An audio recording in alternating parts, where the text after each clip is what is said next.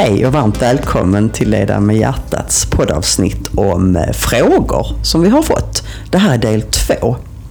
Och eh, när vi pratade om del ett så var vi mycket i organisation och ledarskap men även vad man som individ kan göra. Så det är här vi fortsätter nu. Eh, och då har vi en fråga som handlar om vilka hinder vi ser för chefer som vill välja denna vägen. Jag tänker, jag tänker när, när chefer och ledare har, har sett att här är någonting som, som kan göra skillnad. Men, men vad finns det för hinder för dem? Det vanligaste hindret som, som jag ser eh, det är ju att de ska prestera och leverera resultat på kort sikt. Eh, då blir det ju lätt att det blir väldigt mycket fokus på eh, siffrorna. Och eh, att behöva justera dem med snabba, effektiva metoder. Mm. Och då går man ju också snarare in på att öka arbetskraven eh, och eh, ägna sig åt besparingar istället för att engagera mera. Eh, hur, hur kan man förändra det? Eh, och vi pratade lite om det i förra avsnittet, att eh, den högsta ledningens eh, engagemang i att förstå de här att förstå vinsterna med att adressera hela människan, den måste finnas där också. Om vi ska få ett genomslag i hela organisationen. Mm. Ja, För annars ja, så är det sifferstyrt. Ja. Jag, jag, tänker på hur det är när, äh, att jobba med en, en coachprocess eller en, en förändringsprocess, utvecklingsprocess, är att, att vi har ofta mer än en process. Så när vi är ledare så behöver vi ha fokus på mer än en process. Det är flera processer. Där är, är, dels är det ju lönsamheten och affärsmässigheten och, och, den ekonomiska processen. Men sen har vi ju, har vi ju humankapitalet. Exakt. Eh, som är en process. Och sen har vi oss själva. Och vår ledarutvecklingsprocess och vårt eh, chefskap. Och vi har gruppen. Så det är flera processer. Eh, vi har ju även fått frågor från HR eh, specialister som frågar om hur kan vi anamma detta och hur kan vi påverka med, med de här verktygen. Och där är det ju viktigt att, att också ha ett samskapande med HR, för de har ju fokus på sig människan. Och se humankapitalet, likväl som att, att de behöver se den andra processen. Så det är ju viktigt att den interaktionen eh, fungerar, att det är ett eh, ongoing eh, samspel. Ja. Om vi återknyter till det, eh, återigen då det vi pratade om eh, i förra avsnittet, så hänger, hänger ju välmående och engagemang eh, väldigt väl ihop. För att du ska få ett engagemang som är verkligt och som genererar både motivation och innovationskraft och svarta siffror på sista raden som kommer av sig själv så behöver människan också adresseras i sitt, i sitt hela jag. Eh, det vill säga den emotionella delen, den emotionella intelligensen. Eh, och, när man känner sig sedd eh, så händer det någonting med oss. Vi blir gladare och vi känner oss mer kraftfulla och starka när vi är sedda för de vi är. Inte bara huvudet utan hela människan. Okej, här är jag och jag är sedd och jag är accepterad. Precis som den jag är. Då händer det någonting med oss. Och det här Eh, är ingen motsättning när vi tittar på den sista raden, när vi är ute efter de svarta siffrorna. För tittar vi på engagemang eh, och när, när, vi går, när vi går emot våra drivkrafter och vi gör saker som vi egentligen inte känner rimmar med oss och vi är emot eh, ja, vi går emot oss själva helt enkelt eller vi går i någon form av Ehm, motstånd mot det vi gör, då sjunker engagemanget. Det kan vara ner så lågt som 20, 30, 40 procent. Och då får vi inte den här automatiska eh, motivationen och ehm, eh, flödet i organisationen som alla efterfrågar, innovationskraften. Eh, och, och gör, börjar vi då adressera en större del av människan så ökar vi den här Eh, förmågan att bli engagerad inifrån. Och då börjar människor arbeta på ett helt annat sätt. Det blir en helt annan lyskraft i organisationen. Och det här påverkar ju eh, siffrorna på den sista raden, helt enkelt. Vad är det som gör att vi inte kommer åt eh, kärnan i eh, engagemanget eh, och vad det är som skapar engagemang? Eh, och, och, vårt svar är ju att vi måste börja jobba med hela människan och jobba med hjärtat och hjärtkorrensen eh, för att komma åt själva huret. Hur skapar vi det här engagemanget? Mm. Så det finns en stor lärdom att hämta i detta. Mm. Och att inte göra det för stort. Utan integrera det mm. i det dagliga. Ja, men precis. Och ta det i små bitar. Ja. Tänk om vi kan ha daglig eh, lust och engagemang i, i våra, våra arbeten. Så underbart. Jag håller med om, att, om det. Det hade varit helt underbart. Men jag sitter här och tänker om utöka, utöka till den här frågan. Så tänker jag så här. Om vi tar på oss ehm, eh, eh, VD-hatten. Vad är, det, vad är det VD och ledningen eh, behöver ha? För, för att kunna ta till sig, leda med hjärtat. Vad tänker ni om det? Det första jag tänker är att, att de behöver vara mer hela människor i sina möten med varandra. Så att de lägger den, det arbetet och den processen bredvid allt det andra. Ja, jag tänker också att förutom att intellektuellt förstå vad det handlar om och vilka vinster man får och hur det kan påverka företaget i sin helhet och hur det påverkar ett, eh, till exempel ett börsvärde eh, så behöver man jobba med, med sig själv. Man behöver stöd och råd på vägen. Eh, att komma åt de där inre sanna drivkrafterna som man själv har. Det behöver man göra för att förstå andras drivkrafter och hur man kan få andra motiverade och engagerade. Mm. Så man behöver börja med sig själv. Mm. Och ha det som en punkt på agendan. Så att det kommer med varenda gång vid varje möte på ett naturligt sätt så det blir integrerat. Så det inte blir det här att nu ska vi lägga ytterligare en, ett fokus här som kommer ta tid. Uh, ja, i början kommer det ta lite tid men sen kommer det skapa tid. Uh, ofta får vi höra när vi är ute och, och träffar beslutsfattare att uh, vi har inte tid och, och, vi har inte råd och ja, det får vänta. Och, utifrån ett coachande perspektiv så kan inte jag låta bli att tänka, har ni råd att inte göra det? Kostar det inte ännu mer att inte göra det? Och då gäller det att hitta ett, ett, ett engagerat, lustfyllt sätt att göra detta så att det ger energi. Just det. Jag hade en ledningsgrupp jag jobbade med för, för några år sedan nu, där deras eh, mål var, för de, de hade långa eh, ledningsgruppsmöten som eh, de gick från helt urlakade. Alla var helt slut och bävade för dessa möten. Uh, och så satte de i alla fall upp som ett av sina mål satte de upp att de skulle gå från ledningsgruppsmötet med mycket energi. Och de här ledningsgruppsmötena blev ju något helt annat för att alla uh, fick ju bidra. Så att det skapades mer energi. Alla fick ta ansvar för det. Det tog ju ett tag, men uh, det blev ju en fantastisk skillnad. Och vad tänker medarbetarna när ledningsgruppen går eh, glada och fokuserade, engagerade in i ledningsgruppsmötet och kommer ut med ännu mer energi. Hur smittar det? Det är fantastiskt och det, tänk om det kan vara så i alla organisationer. Jag, jag vill ändå stanna kvar vid eh, pengafrågan. För, för, i den här eh, frågan så finns också att hur vi har upplevt att pengafokuserat ledarskap försvårar att leda med hjärtat.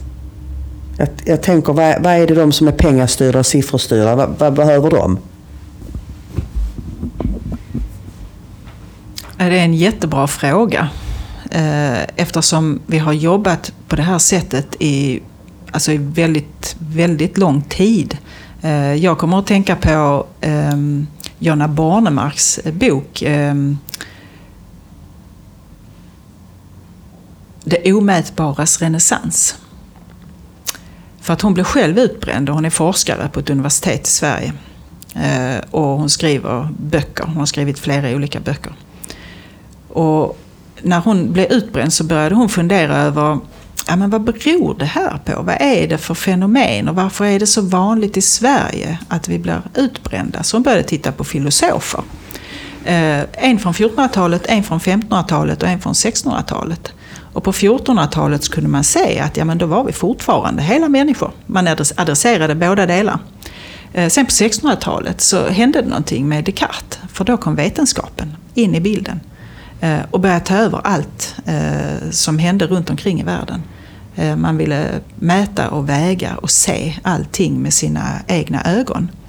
Och där började vi förlora kontakten med vårt andra medvetande, vår andra intelligens, med hjärtat. Och sedan har vi, har vi varit styrda av detta i alla dessa eh, år, sedan 1600-talet. Ni kan själv tänka er liksom hur indoktrinerade vi är med att bara utgå från, från vår hjärna och vårt intellekt. Eh, och som titeln antyder då, det omätbaras renässans, att det, det ligger i tiden att vi börjar återuppväcka den här delen i oss.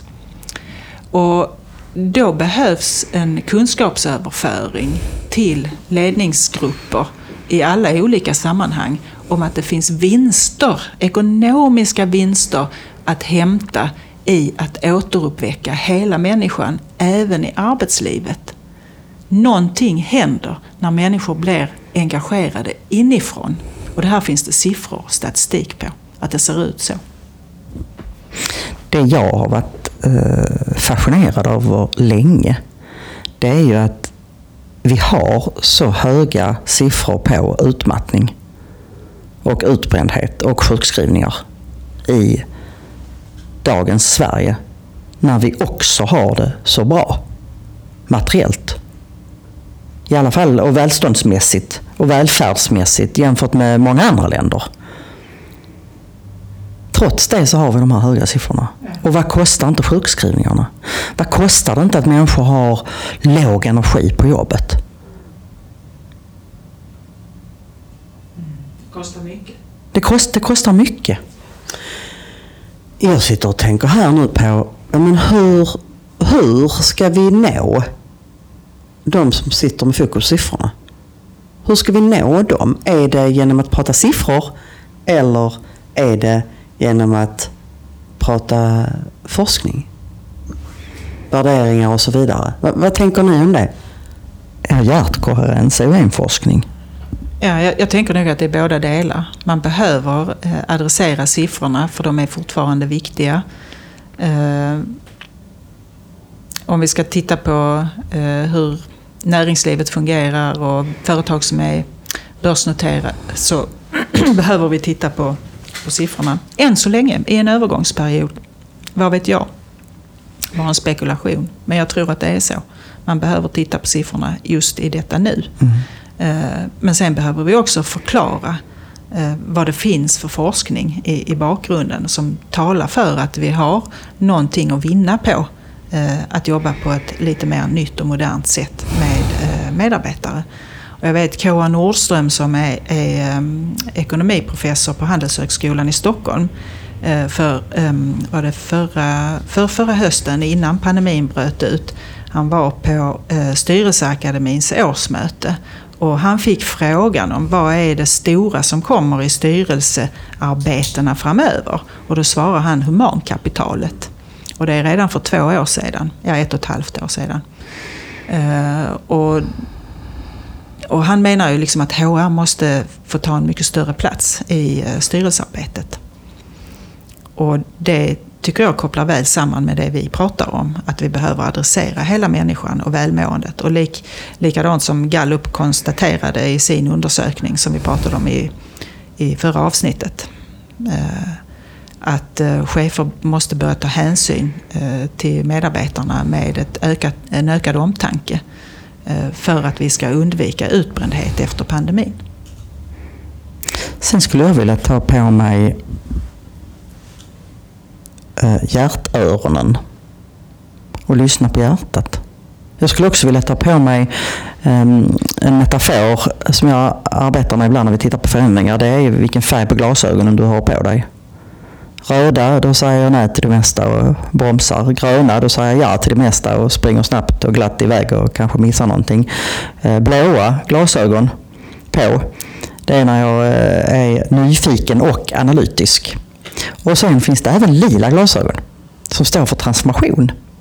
Så ifall vi vill transformera någonting, det vill säga att, att leva på ett nytt sätt och, och skapa nya företagskulturer som givetvis ska generera goda resultat eh, på alla plan, då behöver vi bejaka potential.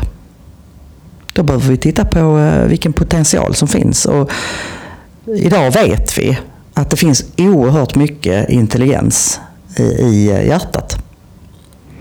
Så för att kunna nå mer potential så behöver vi titta mer på det och använda det mer.